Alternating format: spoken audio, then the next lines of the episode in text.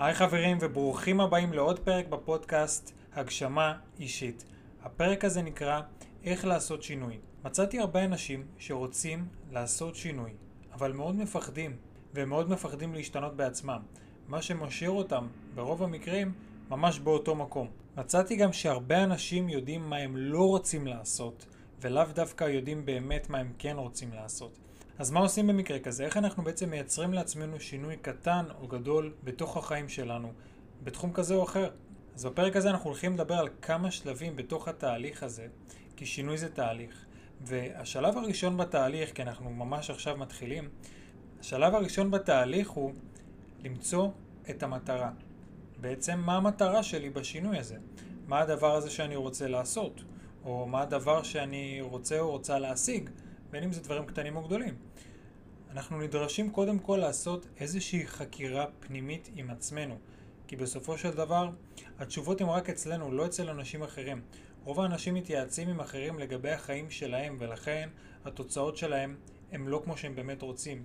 ולכן התשובות למה אנחנו באמת רוצים נמצאות אך ורק אצלנו, ולא אצל אחרים. אז אנחנו מתחילים בחקירה פנימית ושואלים את עצמנו את השאלות הנכונות. שאלות כמו מה אני באמת רוצה לעשות, או מה אני באמת רוצה להשיג, ולמה, למה אני רוצה להשיג את הדבר הזה.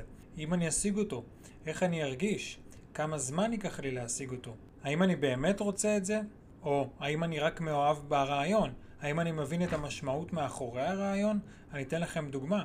אם אני רוצה לפתוח מסעדה, אבל אני לא מבין את המשמעות שעומדת מאחורי הדבר הזה של לפתוח מסעדה, מה דרוש כדי לפתוח מסעדה, מה אני אמור לעשות, כמה כסף אני צריך להביא מהבית, האם אני צריך לקחת הלוואה, כמה עובדים אני אצטרך, איזה סגנון של מסעדה, מה זה אומר בפועל להיות מסעדן, מה קורה בתחום המזון בארץ, איזה פעולות אני אצטרך לעשות ביום יום שלי בתור בעל מסעדה וכולי. אני רוצה להבין שאני לא רק מאוהב ברעיון, אלא באמת מבין מה ההשלכות של כל החלטה שאני עושה.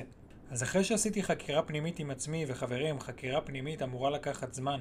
אתם אמורים לשבת עם עצמכם, זה יכול לקחת גם שעות, וגם ימים, וגם שבועות. בעצם אין לזה אף פעם סוף, כי אנחנו תמיד מדברים עם עצמנו, ואנחנו תמיד רוצים להמשיך, להתקדם, להשתפר, ולהבין עם עצמנו כמה שיותר טוב לאן אנחנו באמת רוצים להגיע.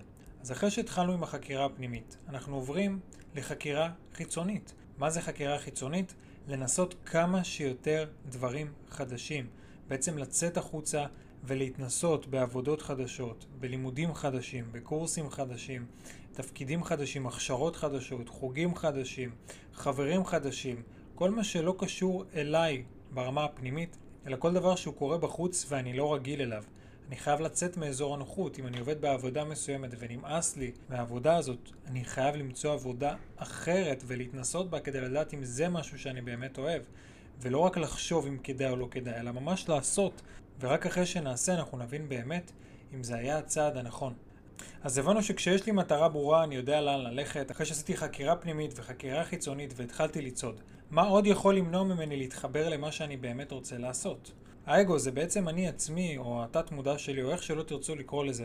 זה בעצם משהו בתוך הקופסה שלנו, ששומר ומגן עלינו. המוח לא אוהב שינויים.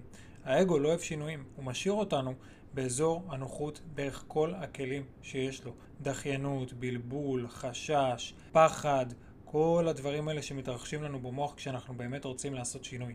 שימו לב לדברים שקרו לכם בעבר, כל פעם שהתחלתם משהו חדש. איך זה הרגיש? על מה חשבתם?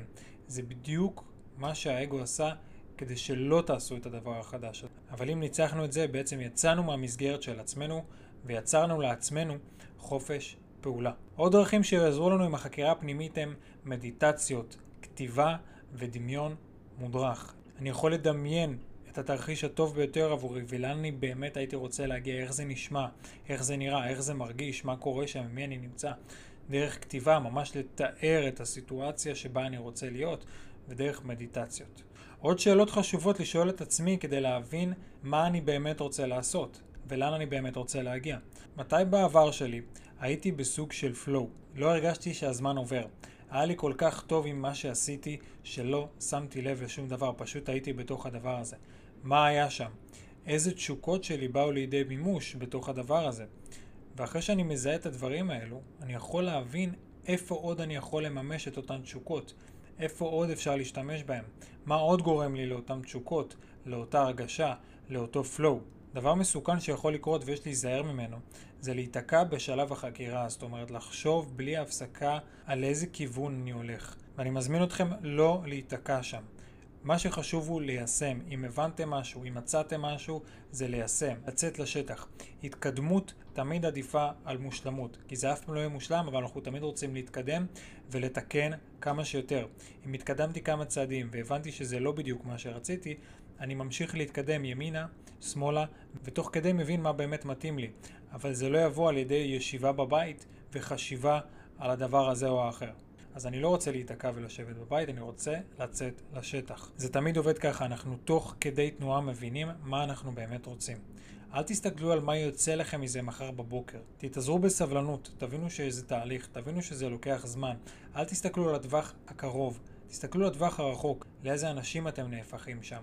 מה יקרה לכם בזכות התהליך, מה תלמדו בזכות התהליך, איזה אנשים תפגשו, איזה דברים תבינו ותלמדו על עצמכם, מה יקרה לכם בזכות התהליך, בזכות השינוי הזה, איזה אזורים אתם יכולים לפרוץ בעצמכם, איזה גבולות אתם יכולים לפרוץ בעצמכם.